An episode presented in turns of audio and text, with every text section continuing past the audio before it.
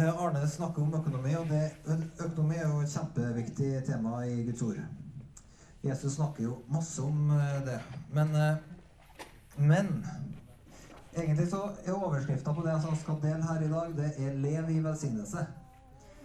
Fordi at Det der jeg sier litt i sånn brei forstand, da, hvis vi skal snakke om økonomi. Fordi at økonomi er en del av velsignelsen som Gud vil vi skal leve i. Eh, så da har jeg tenkt vi skal innom en del sider av det her livet. Hvordan kan vi under alle forhold leve i velsignelse? Det er overskrifta for det her. Og det kan faktisk hende at det blir overskrifta for denne samlinga og gudstjenesten om to uker. Fordi det her er et så stort eh, område eh, som handler om veldig mye mer enn økonomi, sånn at økonomi vil bare være en del av det her.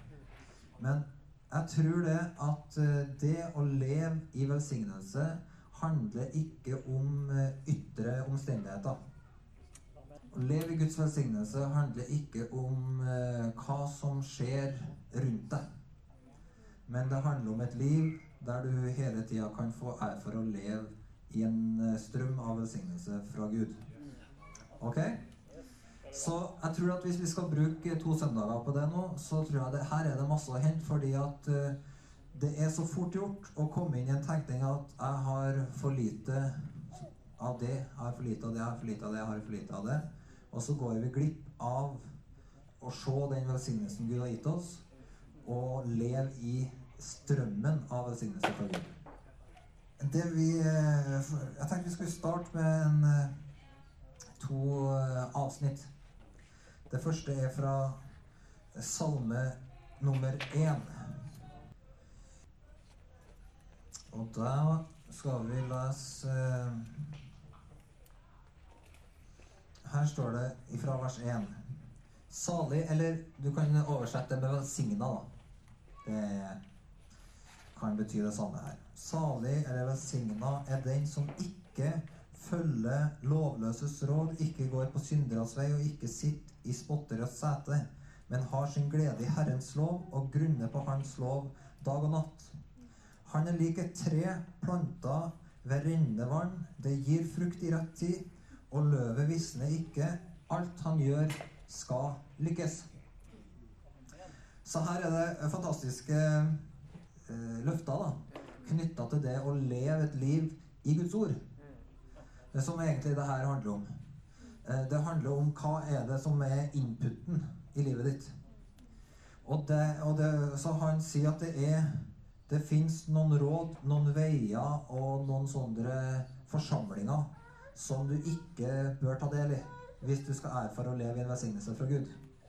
Og så fins det en lov, et ord, eh, en forsamling, et sted der det, er, der det går ut et ord som hvis du lever ved det ordet, så erfarer du å leve ved noen kilder som aldri tar slutt. Så eh, denne eh, personen som, som er da lovløs han eh, opplever, som det står eh, Altså når du eh, Altså begge to kan oppleve ulike sesonger. Det kan være sesonger av tørke, det kan være sesonger av regn. Men den lovløse, han visner bort. Mens den som lever ved ordet fra Gud, han drikker og lever ved noen kilder som ikke tørker. Han er sånn som et tre som er planta ved rennende vann, og det gir frukt i rett tid, og løvet visner ikke. Så, det, så her lærer vi det å leve ut av Guds ord. Det gjør noe med oss på den måten at vi alltid har noen kilder å drikke av. Og, så forteller oss det noen andre ting òg. Det er at det å leve ved Guds kilder, det er, det er som sånn, sånne rennende bekker.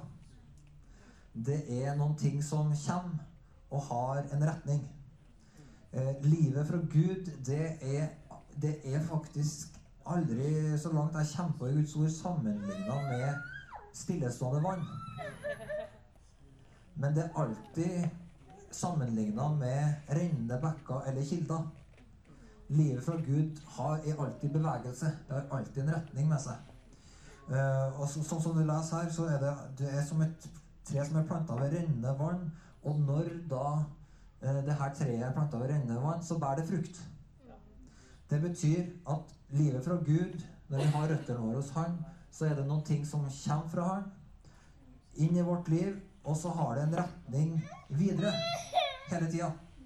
Frukta er ikke først og fremst at vi sjøl blir forfriska, men du blir et fruktbart tre for at andre skal bli forfriska. Ok? Så det er på en måte hele tida en retning i det her livet fra Gud. Det treffer oss. Og når vi lever ved sånne strømmende kildevann og sånn, så har det en retning på en sånn måte at folk rundt oss blir forfriska. Samme hvordan sesongene er. Du kan gå gjennom veldig tøffe ting. Eller du kan oppleve utfordringer i forhold til alt mulig forskjellig som kan ramme et menneske i vandringa si under sola. Men du kan alltid i ulike omstendigheter erfare at det, her, nei, her er det en elv. Et kildevel som gjør at du har noe å øse av, og som gjør at folk kan komme og ære for at du er en forfriskning. Ikke fordi du er liksom eh, så suveren og så sterk i deg sjøl, men fordi at du har røtter et sted. Og de er hos Gud.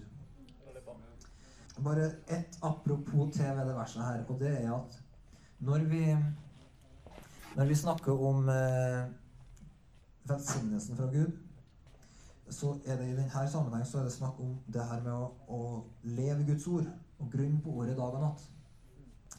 Vet du, at Siri åpna her med å si at ordet er som en lykt for oss. Det er det ordet det vi ser alt i lys av. Og, og det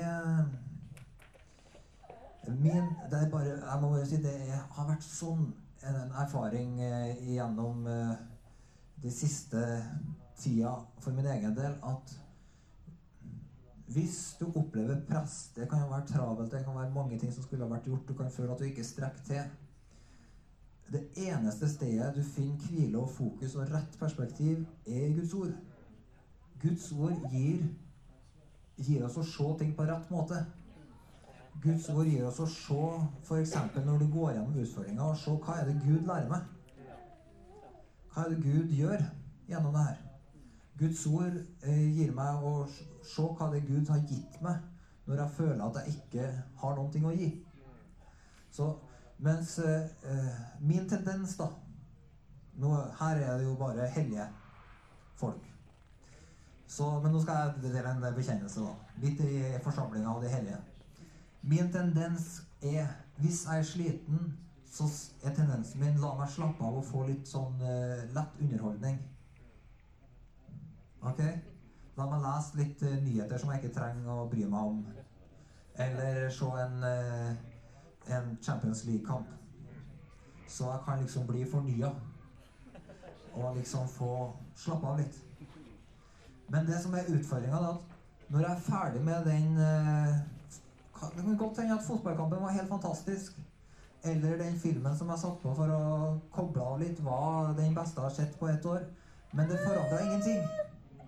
Når jeg var ferdig med den liksom pausen, så var alle utfordringene like store. Det var bare at jeg hadde dårligere tid til å fikse det på.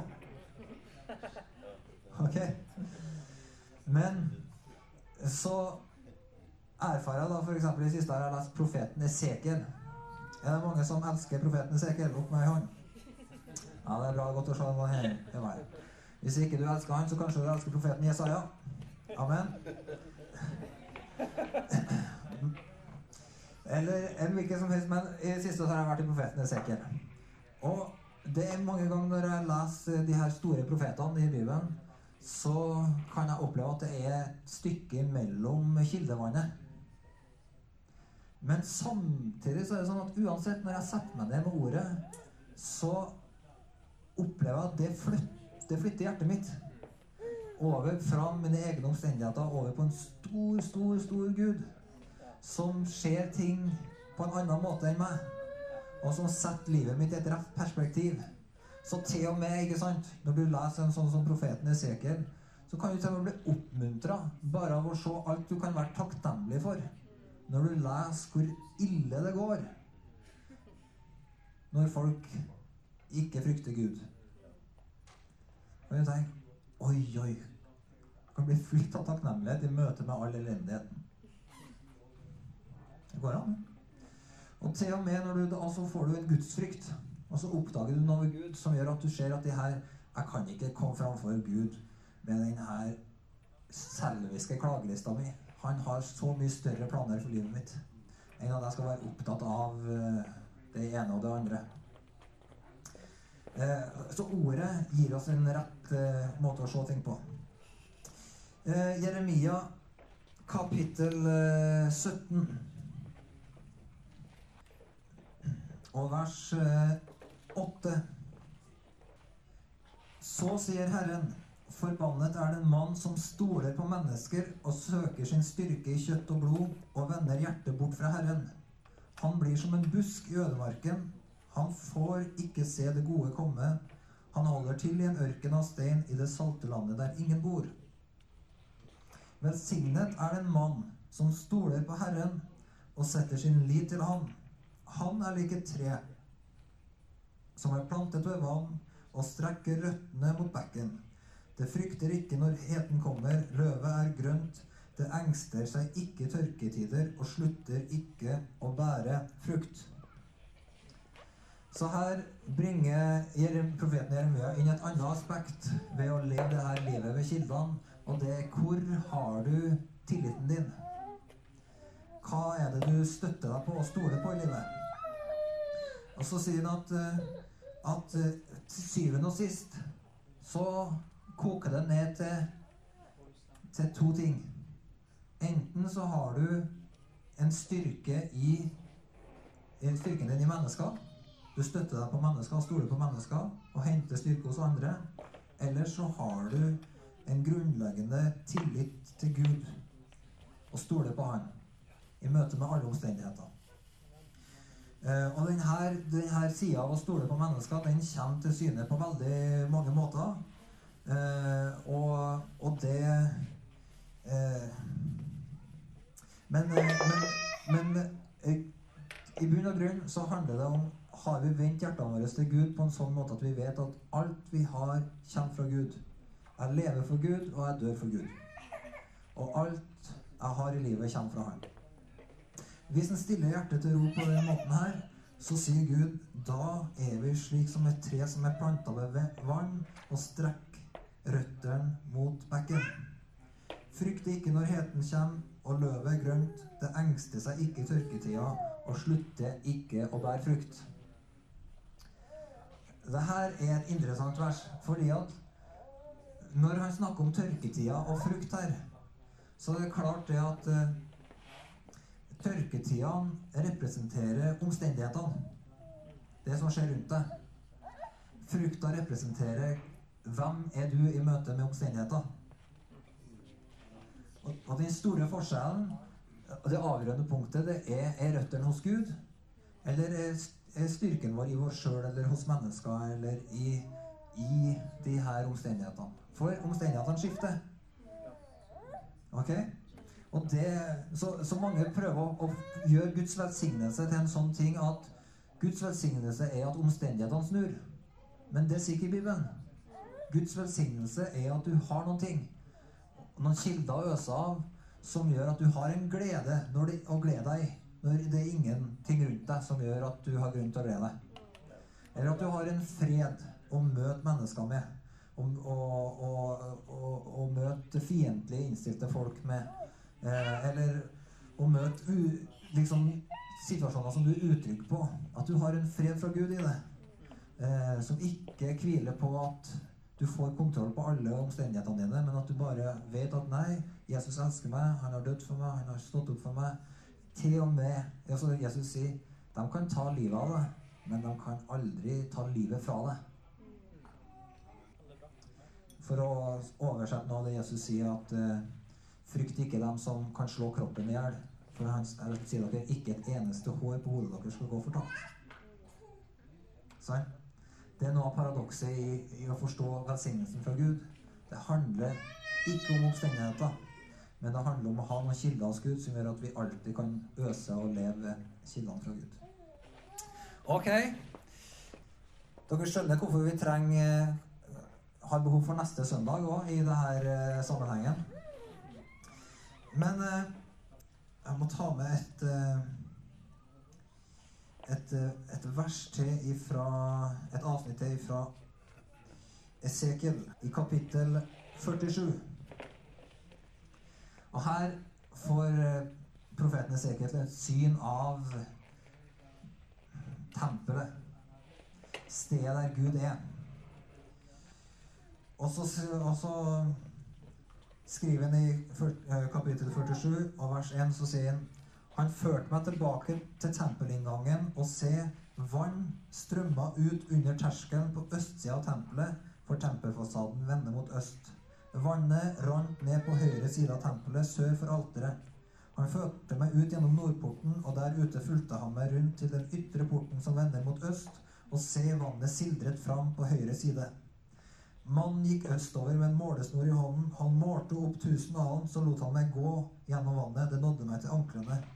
Han målte opp tusen til og lot meg gå gjennom vannet. Det nådde meg til knærne. Så målte han opp ytterligere tusen til og lot meg gå gjennom vannet. Det nådde meg til hoftene.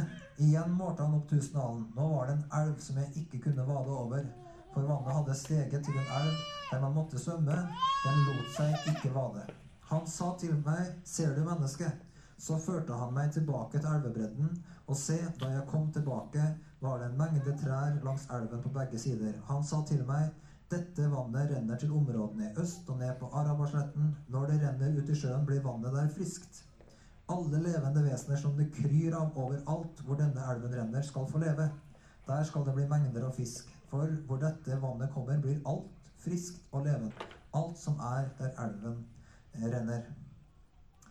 Eh, og så skriver han eh, i vers 12 her, så, eh, vers 11 så står det sumpene og myrene skal eh, Nei, i, i, vers 12 så står det på hver side av elven skal det vokse alle slags trær til å spise av. Løvet på dem skal ikke visne, og frukten skal ikke ta slutt. Hver måned skal de bære ny frukt, for vannet de får, kommer fra helligdommen. Frukten skal tjene til føde, og bladene bringe helse. Her beskriver Esekiel da en visjon av denne elva som kommer ut fra helligdommen og ut fra Guds trone. Denne elva leste du første gang om i Edens hage. I hagen som Gud planta, så var det en strøm av ei elv som fløt ut fra, fra Guds nærvær, ifra det her fellesskapet med Gud, og fløt ut og vanna hele jorda. Det fløt i alle retninger. Og så leste du om denne elva som eh, David hadde funnet. Han skriver om det samme som han har oppdaget det fins noen rennende bekker som den du frykter, kan leve ved. Jeremia snakker om den samme elva, om hvordan han gjennom de ulike Hvis du leser om livet til Jeremia, og han kunne si hvis du stoler på Gud, så er det et friskt tre, så kan du vite at det er ingen Det er lite av det du gjennomgår som sammenlignes med det Jeremia gikk gjennom. For å si det sånn. Så hvis han kunne si det, så kan du si det. Lev ved den bekken. Esekiel oppdaga denne bekken, og så kommer du, ikke sant Jesus står fram i høytida og sier at, at den som tørster, han skal komme til meg og få drikke. Og fra den indre som tror på meg, så skal det renne kilder med levende vann. Så Jesus han sier at han, han har den her, han er denne kilda. Og han, denne samme elva begynner å flyte fram da, på innsida av alle som tror. Og den samme elva finner du da og igjen i avslutninga på eh, Skriften i Johannes' åpenbaring om livets elv som renner ut fra Guds trone og i Guds by og bringer helse og legedom. Men, men, eh, Og det som poenget mitt bare var å snakke om denne elva, det er at når du da leser hva som, hva som er hensikten med denne elva, så ser du at hele tida så er hensikten at det skal være noen sånne trær som drar næring. Det skal være noen frukter som folk kan leve. Det skal være noen blad som bringer legedom. Og så sier, sier salmisten og Jeremia at vi er de her trærne. Den gudfryktige, den som stoler på Gud, den som lever ved Guds kilder, han er et sånt tre. Eh, Så det betyr Det er ikke bare sånn at vi sitter liksom ved elvebredden og får det vi trenger. Det er ikke det som er bildet. Bildet er vi plantes der. Vi får røtter der. Og vi får røtter som strekker seg på en sånn måte at, at andre mennesker får det de trenger gjennom oss, uansett hva slags sesong du er i. Uansett hvilket område av livet ditt som det, folk trenger en velsignelse, så kan du være for at Guds velsignelse strømmer gjennom deg på det området. Fordi det er ei elv. Det er noe som hele tida strømmer fram. Og den elva er ikke avhengig av sesongene, den er bare avhengig av hvordan er stemninga i himmelen, og den er god. Og da og da oppdager vi, ikke sant, at at eh, vi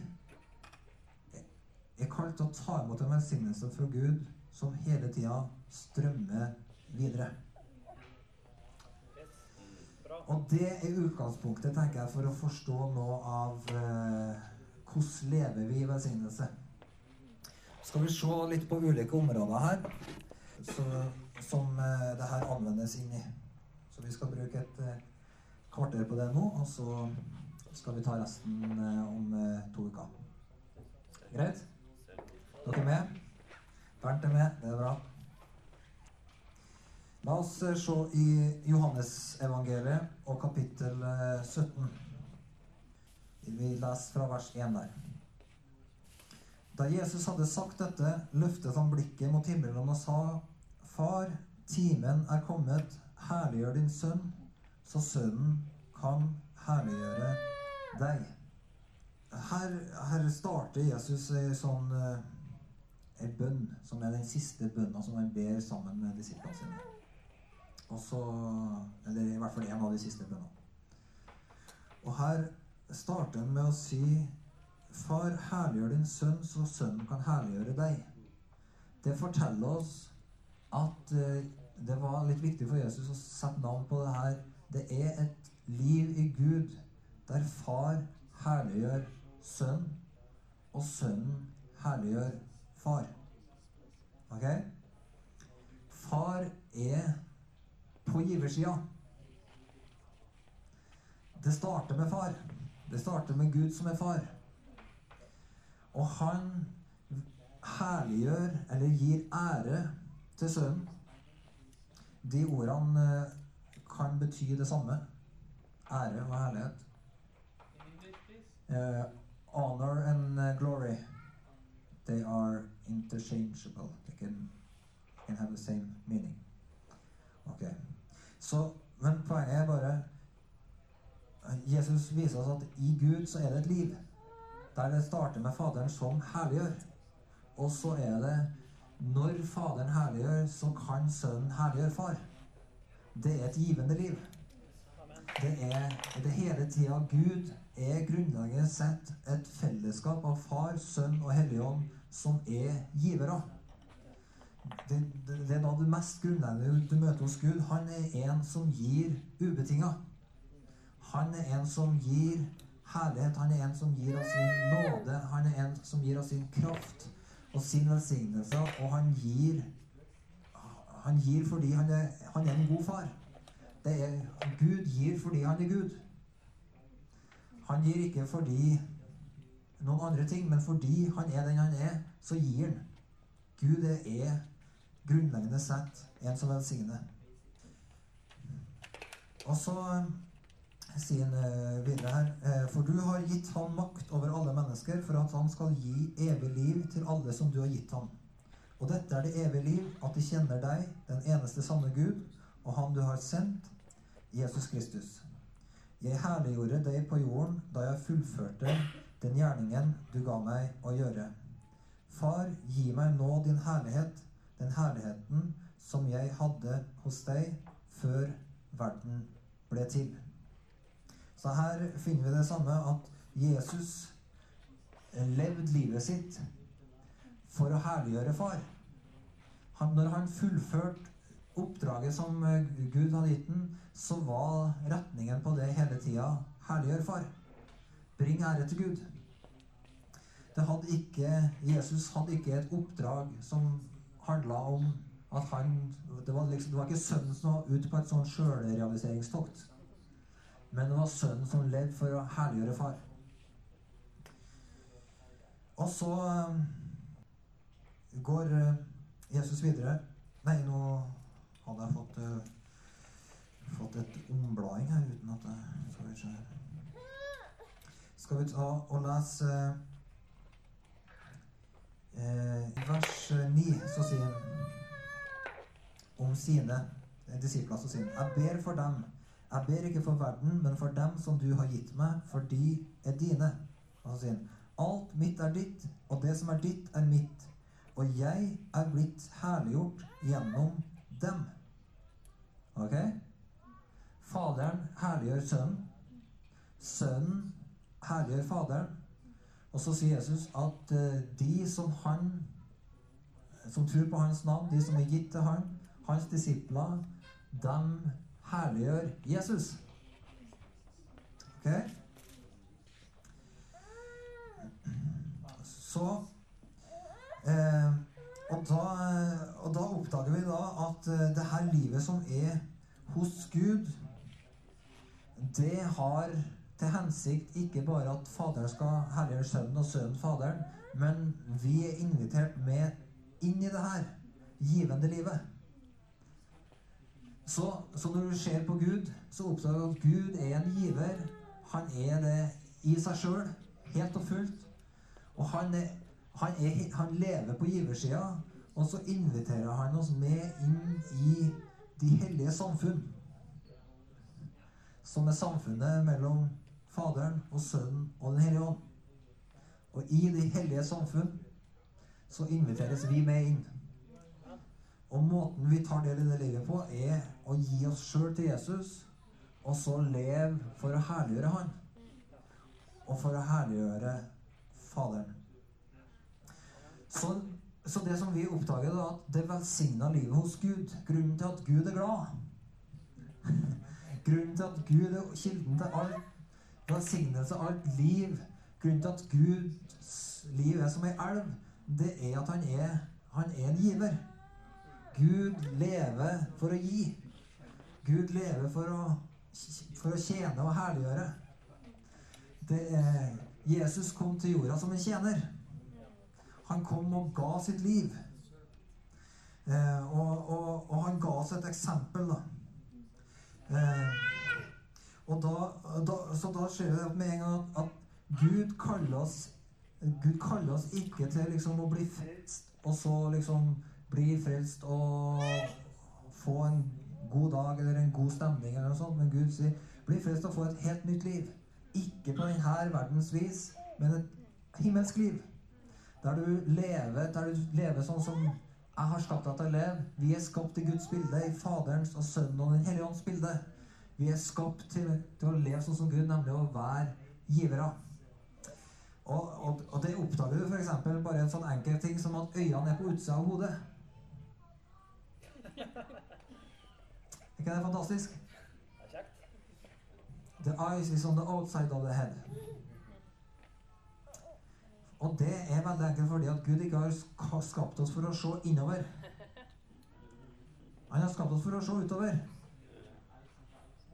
Så det betyr at uh, speil er en ok ting, men ikke bli der for lenge. Speilet, speilbildet er ikke et blivende sted hvis du skal bli et lykkelig menneske. Ok? Hvis du bruker for lang tid foran speilet, så blir du deprimert. Ok? For Gud har gitt deg øyne for å se utover. Du er ikke kalt til å fokusere på deg sjøl. Du er kalt til å leve på giversida. Og det, det, sånn er det med alt han har gitt deg. Ikke bare øynene dine, men alt i livet ditt er gitt for at du skal være en giver. For at du skal være som et tre som er planta ved rennende vann og bærer frukt, så andre mennesker blir forfriska av det.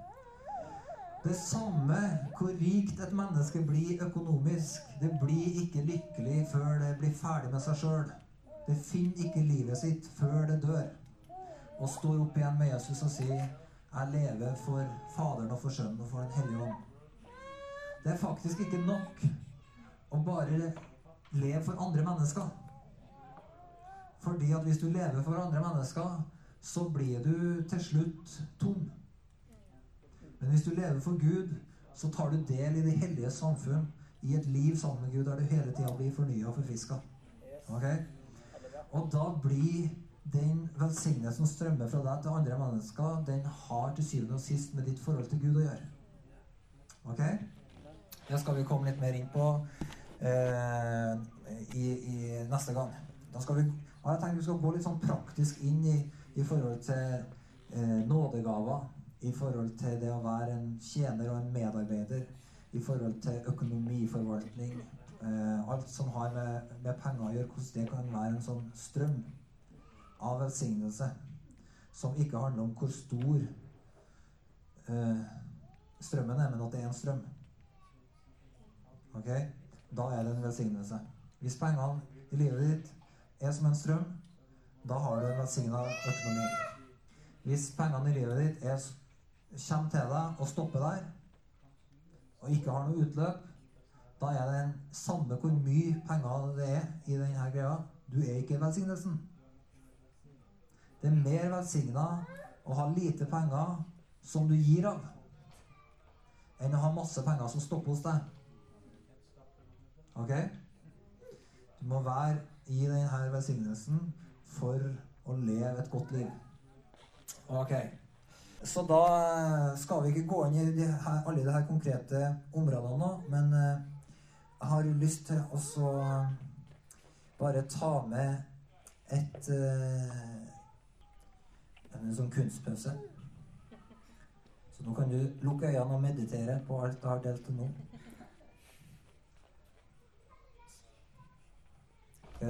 Ble du rikt velsigna? Romerbrevet kapittel 12. Her snakker han om kroppen. Skal ta og lese et skikkelig avsnitt her. I kapittel 12 og vers 3.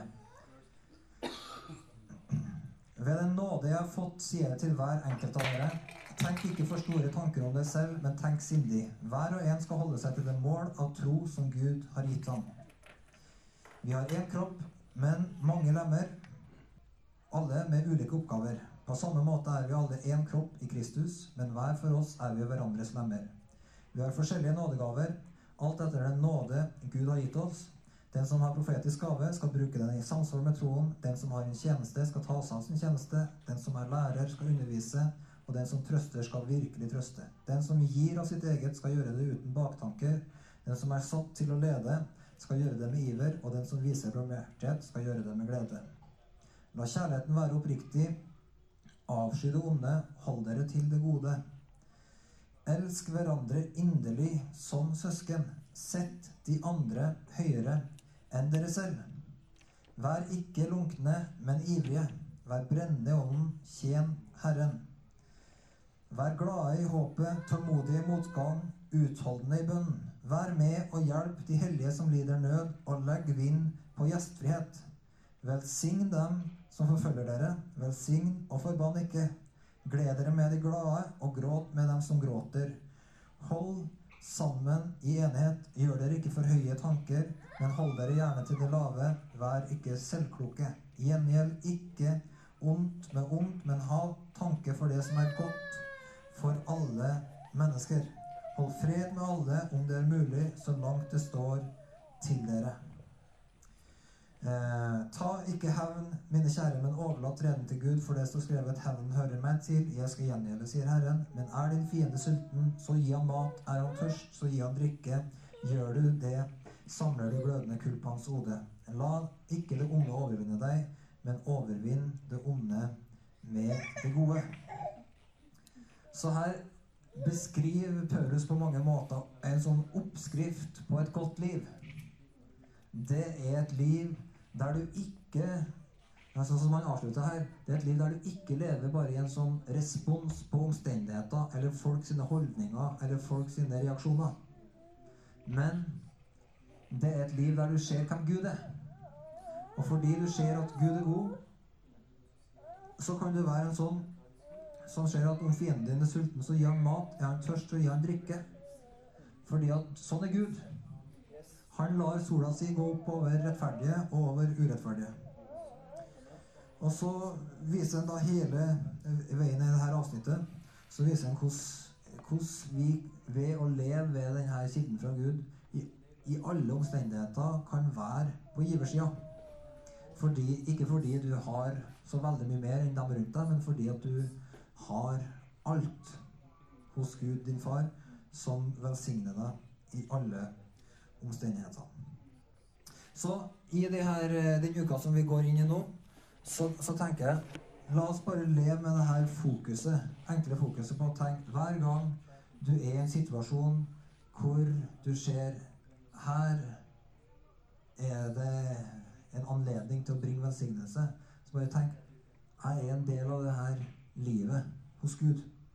Der Faderen er på giversida, Sønnen er på giversida, og Sønnen har invitert meg inn i det her fellesskapet, som betyr at det kan godt hende at du ser på bankkontoen din og tenker ah, jeg har ingenting å gi. Men så kan du tenke ja, men i kjøkkenskapet mitt så har jeg faktisk mat. Så jeg kan invitere noen på middag. Ok? Eller du kan se på, på tida di og si jeg har så mange ting jeg skulle ha gjort. Og så går det hele uka og tenker på en som eh, du gjerne skulle ha møtt. Som du tenker han trenger at noen ser denne uka, eller møter en, eller trenger en oppmuntring. Så tenker jeg jeg har en hel del ting jeg skal ha gjort, men jeg trenger å gjøre litt større rom i hjertet. Fordi jeg vet at når jeg tar del i det her livet fra far, som går ut til mennesker, så blir jeg velsigna. Da blir jeg styrka, da blir jeg fornya. Da stopper det ikke ved meg, men da flyter det her videre. Og så kan vi tro Gud for at han gir alt du trenger i denne situasjonen. Så, så i møte med alle sånne situasjoner, bare tenk Tenk på det her uh, hjulet fra Gud. Eller denne elva fra Trondheim. At uh, i møte med alle ting Du kommer ikke til kort, for du er kobla på en sånn strøm fra himmelen. Og så Når vi møtes igjen om 14 dager, så skal vi ta gå litt sånn skikkelig inn i de her ulike områdene og se på hvordan kan vi uh, leve dette livet og anvende denne velsignelsen fra Gud på en sånn måte at altså Gud har noen sånne prinsipper for velsignelse. Så det skal vi bare ta og se skikkelig på, da. Amen.